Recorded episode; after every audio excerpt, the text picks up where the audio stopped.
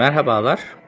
Pilot Twist'in yeni bölümüne hoş geldiniz. Bu bölümümüzde yeni yerli Netflix dizisi Yakamoz S245 isimli diziyi konuşacağız. Bu dizi hakkında çok fazla bir şey bilmeden açıkçası ilk bölümünü ben izledim ve bir denizaltı ve Kıvanç'ın dizisi dışında pek bir bilgim yoktu yani içeriği hakkında. Ama yani ilk bölümü izledik. İlk bölümün sonunda da hani klasik bir Netflix yerli dizisiyle karşılaştık diyebiliriz. Ben sözü sana bırakayım. Sen nasıl buldun ilk bölümü? Merhaba. Öncelikle dizinin ben de 2020 yapımı gene bir Netflix dizisi olan ama Belçika yapımı hani Türk yapımı değil de Into the Night dizisinin spin-off olduğunu öğrendim. Hani bunu daha önce öğrenseydim aslında o diziyi bir seyrederdim ama ben de onu daha yeni öğrendim. Yeni çevrimi değil yani spin-off'u. Spin-off, spin-off. Yani bir yan hikaye gibi oradaki. Orada da Mehmet Kurtuluş oynuyordu herhalde. Tabii tabii. Kıvanç orada da bir gene konuk oyuncu gibi hani buradaki rolüyle katılmış sanırım. Ama tabii iki dizinin hikayesi bağımsız. Zaten Netflix Türkiye'de bir dizi yapıyorsa hani kalkıp da şey diyecek değil. Hani bu Belçika yapımı bir Netflix dizimiz var. Ondan önce bunu seyretmeniz gerek yoksa anlamazsınız gibi bir yapıyla dizi çekmez. Yakamoz dizisini seyretmek için o Into the Night'ı seyretmeye gerek yok. Ben 3 bölüm seyrettim Yakamoz'u şu ana kadar. Tamamen bağımsız ilerleyen bir hikaye bu diziye gerçekten. Ama spin-off mantığı güzel. Bence de bence de. Hikaye ayırmışlar. Sen Into the Night uçakta geçen bir hikaye. Burada da deniz altında geçiyor. Ya açıkçası mekan ve dizi bir uzay güneşin uzay görüntüsüyle açılıyor. Güneşte meydana gelen büyük bir patlama görüyoruz. Akabinde bir sahil kasabasında bir deniz bilimci olan Arman Kıvanç Tatlıtuğ'un canlandırdığı bir karakter. Kendisi bir deniz bilimci, denizaltıdan anlıyor. E, onun hikayesine başlıyoruz. E, bu kısımlar bende bir yaz dizisi havası hissettirdi. Yani böyle bir yumuşak bir giriş gibi olmuş hikaye aslında biraz. Yaz dizisinin yanı sıra bir yaz dizisi girişi var. Bir de hı hı. yani diğer bir Netflix yerli yapımı zaten hani bunu söylememdeki bir sebep de oydu. Muhafızın girişi gibi bir giriş çekmişler. Kıvanç evet. böyle yürüyor etrafta pazarda dolaşıyor herkese selam veriyor iyi adam. Herkes tanıyor bunu. Herkes tanıyor. Türkiye'mizin güzelliklerini gösterelim. Orada şeyi gösteriyordu işte kapalı çarşıyı ve etrafını gösteriyordu. Burada da işte Ege sahillerimiz var. yani bir giriş yapalım falan gibi. Yani direkt aynı tadı aldım yani böyle şey muhafızdaki o girişteki tadı aynen aldık.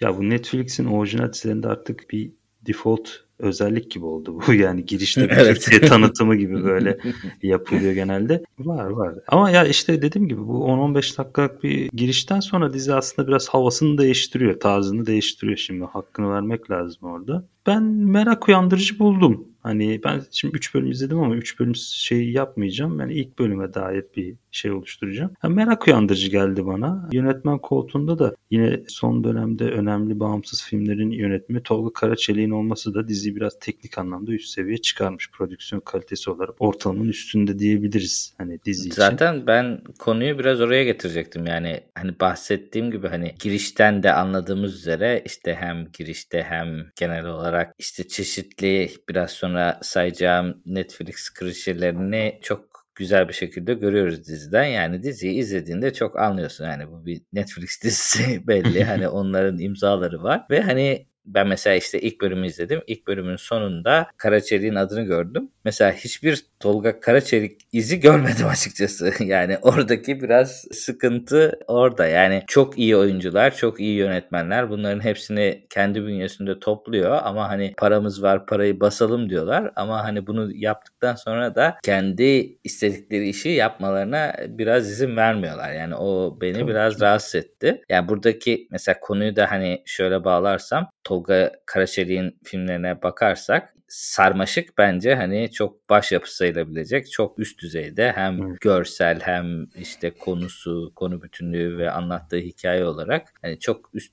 yapım olabilecek bir şeye sahip. Kelebekler aynı şekilde o kadar hani başyapıt diyemeyeceğim ama hani o da kendi çapında. Ben severim o filmi de ya. Aynen öyle. Çok iyi bir film. Ondan sonra işte Bartu Benli falan çekmiş. Hani onu İzlemedim tabii ona bir şey diyemeyeceğim ama hani bu adamın CV'sine baktığın zaman hani o CV ile çok uyumlu bir iş gibi gözükmüyor. Ama tabii daha sonraki bölümlerde bu hikaye gelişebilir ve özellikle o sarmaşıktaki hani o yalnız kalma orada da bir hani gemide yalnız kalma hikayesi gibi onun üstünden anlatılıyordu. Hani burada da benzer bir şekilde hani hikaye biraz deniz altında yalnız kalma ve bunların işte kendi işlerindeki çelişkilere gidebilir. Hani öyle bir potansiyel açıkçası biraz taşıyor ama hani onun dışında herhangi bir hani Tolga Karaçelik emaresi göremedik yani dizide. Şöyle tabii ki şimdi onun sebebi de şu. Şimdi dizi çünkü bir yönetmen dizisi değil aslında. Sonuçta Tolga Karaçelik Yok, buraya değil ve zaten işte Netflix dizilerin hiçbiri yönetmen dizisi Tabii, değil. Yani ellerine belli bir kodu veriyorlar. Onun üstüne işte sen çek diyorlar. Çünkü benzeri şey işte muhafızda da geçerli. Muhafızda da Can Evrenol sanırım başlıyor.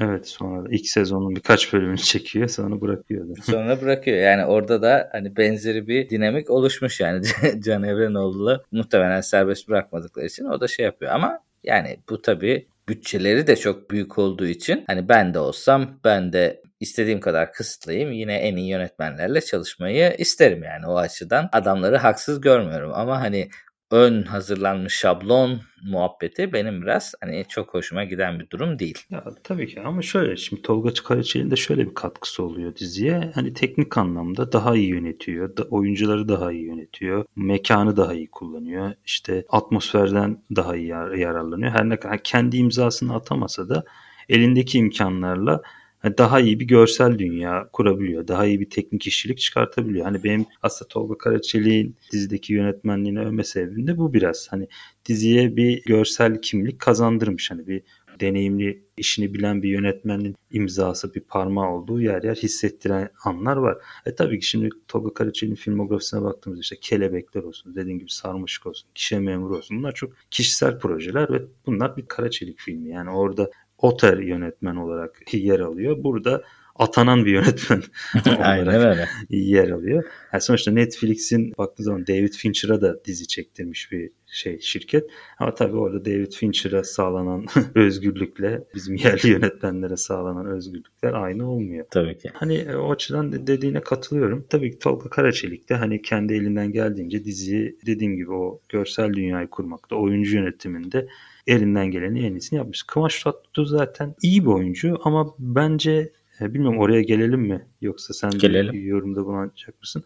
Ben bir giriş yapayım istiyorsan Kıvanç Tatlıtuğ'u hakkında biraz konuşalım. Sonuçta bu dizinin bu kadar ön plana çıkmasında onun bir büyük rolü var tabii ki. Bana göre iyi bir oyuncu Kıvanç Tatlıtuğ. Ben onun hani oyunculuğunu beğenirim. Ama kariyerinde bence hala en iyi performansı Kuzey Güney dizisindeydi ve o dizideki performansından bana göre hala tam olarak sıyrılamamış gibi geliyor bana. Hani o rol oradaki oyunculuğu biraz üstüne yapıştı ve o karakterinin o dizideki karakterinin getirdiği o bir takım doneleri her projesinde kullanıyor. Bunun birazcık da sebebi aslında Kıvanç'ın da yeteri kadar sinema filminde oynayamaması. Yani oynamaması daha doğrusu oynayamaması demeyeyim de istese oynar sonuçta Kıvanç Tatlıtuğ ya birçok teklif geliyordu. Ama baktığın zaman hani sadece televizyon dizilerinde ve ona bir üstüne yapışan tarzda roller verildiği için oyunculuğunu çok ileriye taşıyamadığını da ben düşünüyorum ve her izlediğimiz projede sanki benzer hani her ne kadar farklı profillerde karşımıza çıksa da yani bu dizideki profiliyle Kuzey Güney'deki profili ya da daha sonra çektiği dizilerdeki profili çok ayrı. Konuşmasından tut hal ve hareketlerine kadar sanki hep aynı adam. ya Hmm. aynı adam bir dizide işte mafya oluyor, bir dizide polis oluyor, bir dizide arkeolog oluyor, bir dizide deniz bilimci oluyor falan. Yani bu biraz fazla sinema filmlerinde oynamaması bence bu oyunculuğunun ilerlemesini engelledi ve hep böyle iyi olduğu doneleri kullanarak bir karakter çıkartıyor. Hani Kuzey Güney'de ben çok iyiydim. Oradaki oyunculuğumun farklı bir versiyonunu sunayım diye şey yapıyor bence düşünüyor. Ben açıkçası daha çok sinema filminde görmek isterdim kendisini. Keşke birazcık daha o konuda şey olsaydı. Ya bu konuda ben çok yorum yapamayacağım. Çünkü hani Kuzey Güney'i izlemedim. Diğer yapımlarından da ya benim izlediğim Aşkı Memnu. Aşkı Memnu evet tabii ki. Aşkı Memnu'yu baştan sona izledim. Hatta e, yakın bir tarihte izledim sayılır. Geçen sene mi iki sene önce mi? Aşkı işte, Memnu biraz Covid çömez izledim. aslında. Evet işte. O onunla karşılaştırınca hani bir çağ atlamış gibi görünüyor zaten. Tabii tabii. Ya hani... orada Oradan kuzey güneye geçiş zaten çok şey olmuştu. Hani herkes çok övmüştü oradaki şey. Şey vardı. Hani Ezel'de kısmen izledim. Hani orada gene çömez sayılır. Hani onun dışındaki yapımlarına şu an tekrar açtım baktım hani ne oynamış bu arkadaş diye. Ya arada bir Yılmaz Erdoğan'ın sinema filminde oynadı. Hı hı, onu da izlemedim. Kelebin Rüyası. Bir de organize işlerde var. vardı. Ha evet organize işlerde var. yani. Orada ha, çok onu iyi hatırladım. Ya işte öyle rolleri daha çok oynaması gerek bence. Hani mesela organize işler iki filmi bence çok ilk filme göre çok zayıf bir filmdi. Ama benim aklımda o filmle alakalı kalan en iyi şey onun oyunculuğuydu. Kıvanç Tatlıtuğ'un o filmdeki oyunculuğu çok başarılıydı ve filmin bence en akılda kalıcı ayrıntısı onun şeyiydi. Ya biraz o tarz projeler daha çok yararsa bence oyunculuğunu ilerletir. Ya burada bence gene kötü oynamıyor ama dediğim gibi o üstüne yapışan ya da o kendisinin iyi yaptığı şeyleri fazla öne çıkartarak biraz işin kolayına kaçıyor. Burada biraz şu konu da var. Yani tamam hani oyunculuğunu biraz eleştirebiliriz ama sonuçta hani celebrity açısından da hani ün açısından da belki de en ünlü kişi.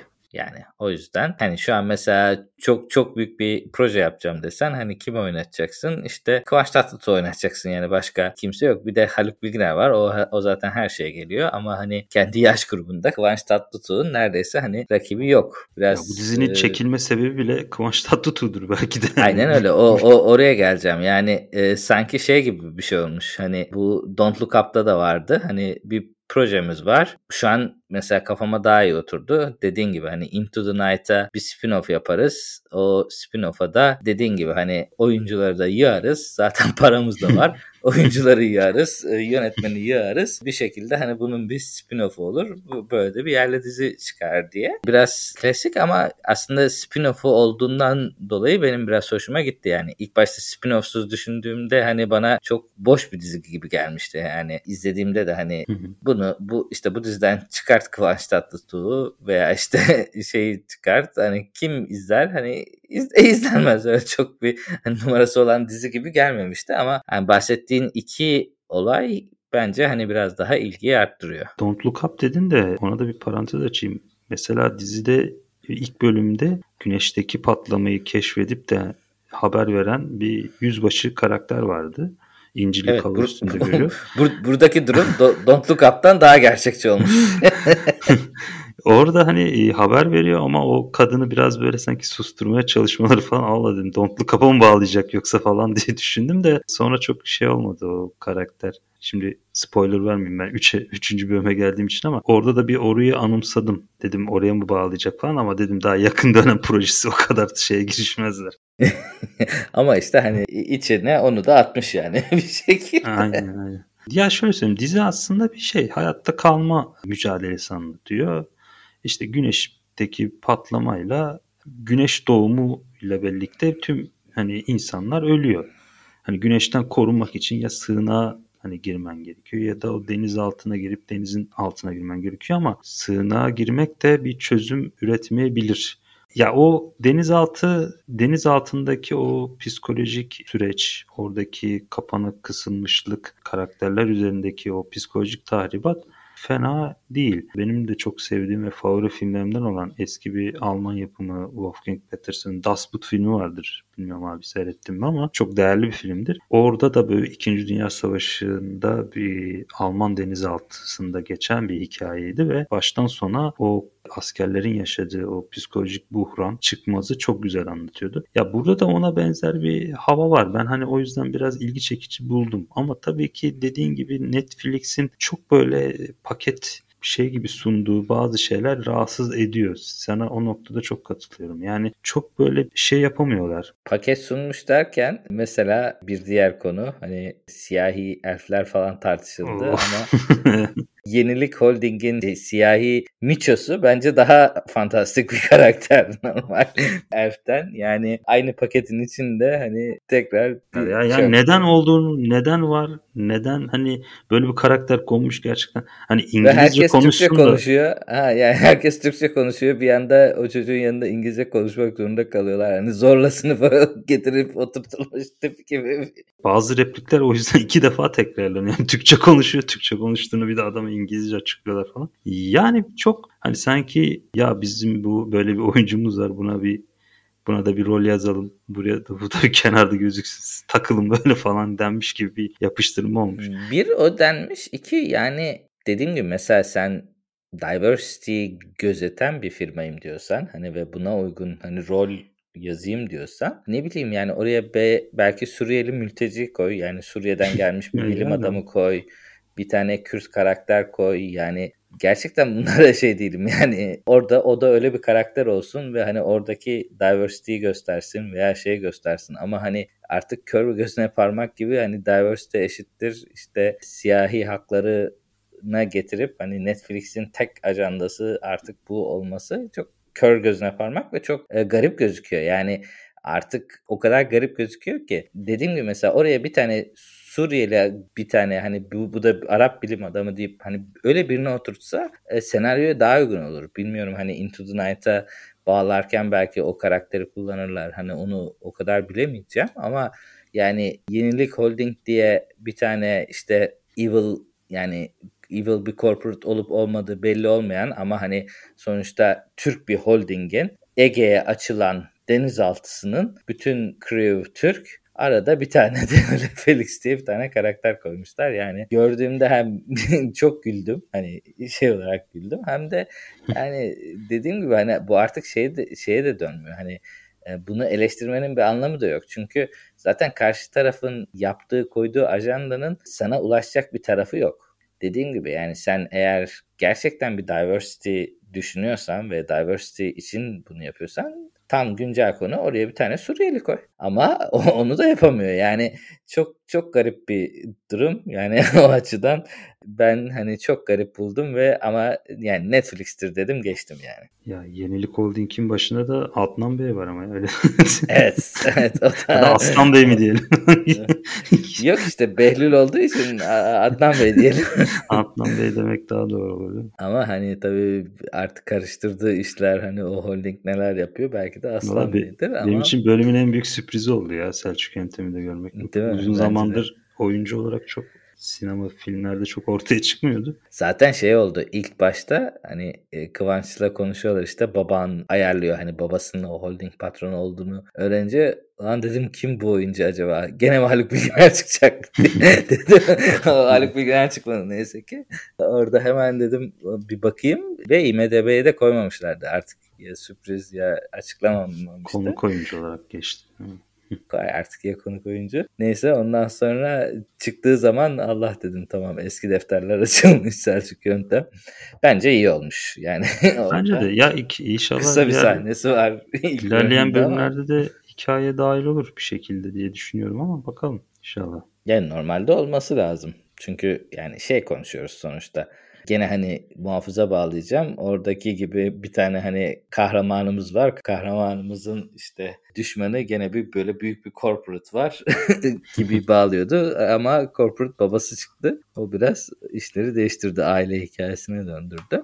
Ama evet bence o yola da biraz oynanması ileride iyi olabilir yani. Peki ben sana şey sormak istiyorum. Sence dizide şey çıkabilir mi? İklim Türk yani dünyadaki iklim değişikliğine parmak basan politik bir tavır bekliyor musun? Hani benim biraz beklentim var bu konuda. Burada şey vermiyorum. Hani diğer iki bölümde seyrettiğim için şey değil. Bu ben dizinin geneli açısından böyle bir noktaya bağlanabilir mi sence o güneşteki patlama? Ya, olabilir ama hani orada da hani mesela iklim krizini geldiğini söyleyenler için aslında hani güneşin patlaması insan kaynaklı bir şey değil. Güneş patlıyor. Güneşin patladığından insanların bunu engelleyici bir tavrı olamaz yani. Çünkü yani. hem güneşe karşı çok küçüğüz hem de şey. Hani o bence biraz hani suya sabuna dokunmayan bir tavır olur eğer öyle bir yere bağlarlarsa da. Çünkü hani iklim krizi dediğimiz şeyde biz işte insanlar bir şey yapıyor ve insanların yaptığı şey sonucunda gene biz doğadan kaçamıyoruz veya işte doğanın getirdiği koşullardan kaçamıyoruz ve kaçamadığımız bir yere bağlanması gerekiyor. Güneş patlaması benim gözümde öyle bir şey değil. Doğru biraz düşünce aslında insan kaynaklı olacak bir şey değil.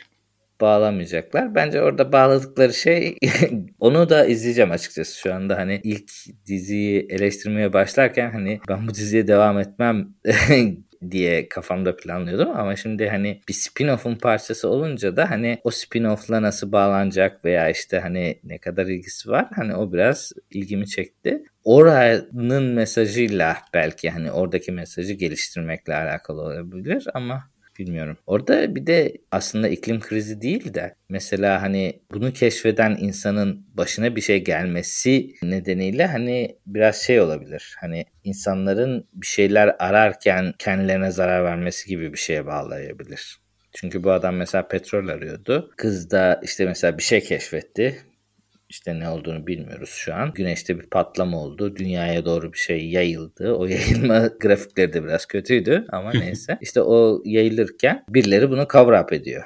Birileri bunu kapatmaya çalıştığına göre aslında bu şey olmayabilir yani. Tamamen doğa olayı olmayan bir yere gidebilir yani. Belli bir hareketlerin sonucunda olmuş da olabilir. Hani bu tip şeyler biraz kafayı karıştırıyor ama birileri cover up ettiği için de aslında o tip bir tam olarak iklim krizi olmasa da kötü corporate'lar kısmına bağlanabilir yani. Ya bilmiyorum hani ben aklıma geldi acaba bu güneş patlaması nasıl bir, bir sonuç. Ya güneş patlaması dediğin şey çok ciddi bir olay gerçekten. Evet. Baktığın zaman hani bu şekilde de hayatta kalabileceğin bir ihtimal yok aslında gerçekten güneş patlasa. yani hiçbir şekilde hayatta kalamazsın.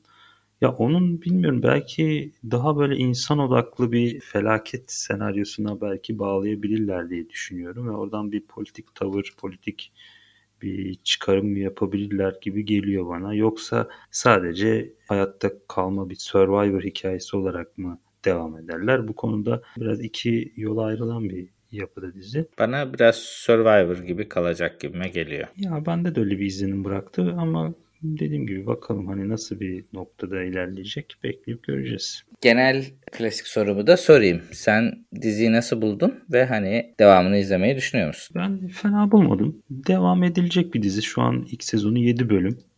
Bölüm süreleri de bir ortalama 40-45 dakika arası değişiyor. Yani ben sürükleyici buldum. Hani dediğim gibi ben 3. bölüme de geldim bu arada. Üçüncü bölümü bitirdim. Hani dizide bir akıcılık, tempo açısından bir sorun yok. Ama dediğin şeye katılıyorum dediğin o olumsuz tarafları var dizinin. Onları çok görmeyeceksin artık. Dediğim gibi Netflix'tir deyip geçeceksin. Aslında baktığın zaman konsept olsun, hikaye olsun güzel bir potansiyel var. Çok böyle izle unut tarzında birazcık çerezlik tarzda çekilmiş bir dizi. Ya bu açıdan sanki biraz potansiyelini de biraz tam olarak veremiyor. Hani günün sonunda hani tamam izlediniz, heyecanlandınız, hayatınıza devam edebilirsiniz tadında bir dizi olacak gibi geliyor bana. Ya Özgür Özpirinççi, Kıvanç Tatlıtuğ bence ikisi diziyi daha böyle şey kılıyorlar. Uyumlu oynamışlar. Vaktiniz varsa devam edilir diyeyim ben.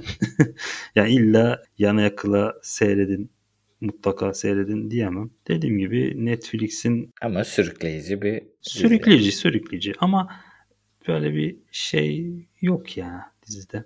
Ya Netflix konusunda da son olarak bir şey söylemek istiyorum. Yani yerli içeriklerinde hep aynı sorunları konuşuyoruz biz hani her defasında. Bir böyle bir bize karşı henüz böyle tam bir şey oturtamadılar. Podcast'in başında da bahsettiğimiz o paket içerik kavramını genellikle hep uyguluyorlar. İşte ülke tanıtımı sonrasında konu. Hani bu konuda birazcık daha bence artık bunca senedir 6 senedir Türkiye piyasasındalar ve birazcık daha böyle yerel ve e, sosyolojik Türkiye'nin o sosyolojik yapısından daha uygun işler çekebileceklerini düşünüyorum. Hani bu konuda gerekirse araştırma yapsın. Senaryo ekibi kursunlar ya da ne bileyim sokağa çıksınlar dolaşsınlar. Yani sonuçta baktığın zaman her proje hani övüyoruz. Netflix'in yerli içeriklerini kötü bulmuyorum. Hani izleniyor eyvallah ama hep bir günün sonunda çiğ bir e, tat bırakıyor ağızda. Böyle evet. tam olarak bir şeylerin böyle tam olarak gerçeğe uymadığı. Hani sanki o yerel tarzın içerisinde bir yabancı bir şey ekliyorlar. Ya bu da çok sırıtıyor. Bu dizide de var o. Hani yabancı bir Türk oyuncularla çekilmiş bir yabancı yapım izlenim uyandırıyor. Yani böyle bir şey yapamıyorsun. Ama işte spin-off deyince zaten gerçekten de öyleymiş. ya öyle ama hikaye Türkiye'de geçiyor. Yani bir Türk hikayesi o içinde bir ordu var. Türk ordusu var sonuçta bu karakterler de Türk. Ya Netflix'in bu konuda eleştirilecek tarafları çok. Baktığın zaman hani diğer platformlar mesela Blue TV'nin yerli içeriklerine bakıyorsun. Bana göre Netflix'ten çok daha başarılı yerli içerikler yapıyorlar. En azından seyrederken gerçek anlamda bir karakterlerle özdeşlik kurabildiğin yerli içerikler çekiyorlar. Netflix bu konuda biraz sınıfta kalıyor bence hala. Ama tabii Netflix'in pazarı olsun, hitap ettiği kitle olsun çok daha geniş ve yankı uyandırabiliyor. Yaptığı işler çok daha geniş kitle hitap edebiliyor. Zaten bu dizide Kıvanç Tatlıtuğ faktörüyle de oldukça iyi izlenme rakamlarına ulaşacağını düşünüyorum. Teşekkür ediyorum. Yani bu Netflix konusu bitmez. Belki de hani Netflix ve hani Türk dizileri şeklinde ayrı bir bölüm yapıp sadece bunu da konuşabiliriz yani. Ama hani genel olarak ben de fikirlerine katılıyorum. Disney'in de pazara girmesi de şimdi Haziran'da onlar da yerli içerikler üretecek. Bakalım o zaman bir kıyaslama yaparız. Hangisi daha Türkiye uygun projeler üretiyor. On, onlar Recep İvedik'le giriyor. Yani ha, o yüzden. Evet, işte bak gayet adamlar Netflix'ten çok daha uygun bir projeyle girmişler Türkiye pazarına. Bir tane bir tane Recep İvedik var. Bir tane de işte Aras Bulut İynemli'ye de Atatürk çektiriyorlar. Tamam yani daha ne olsun Disney Plus. Hiç Netflix gibi fantazilere dalmadan direkt Türkiye gerçeklerini oynamışlar adamlar ya. Teşekkür ediyorum. Disney Plus'ı da aslında çok güzel bir konu açtın da biraz geç açtın. Ona da tekrar ayrıca konuşuruz yani. Görüşmek üzere.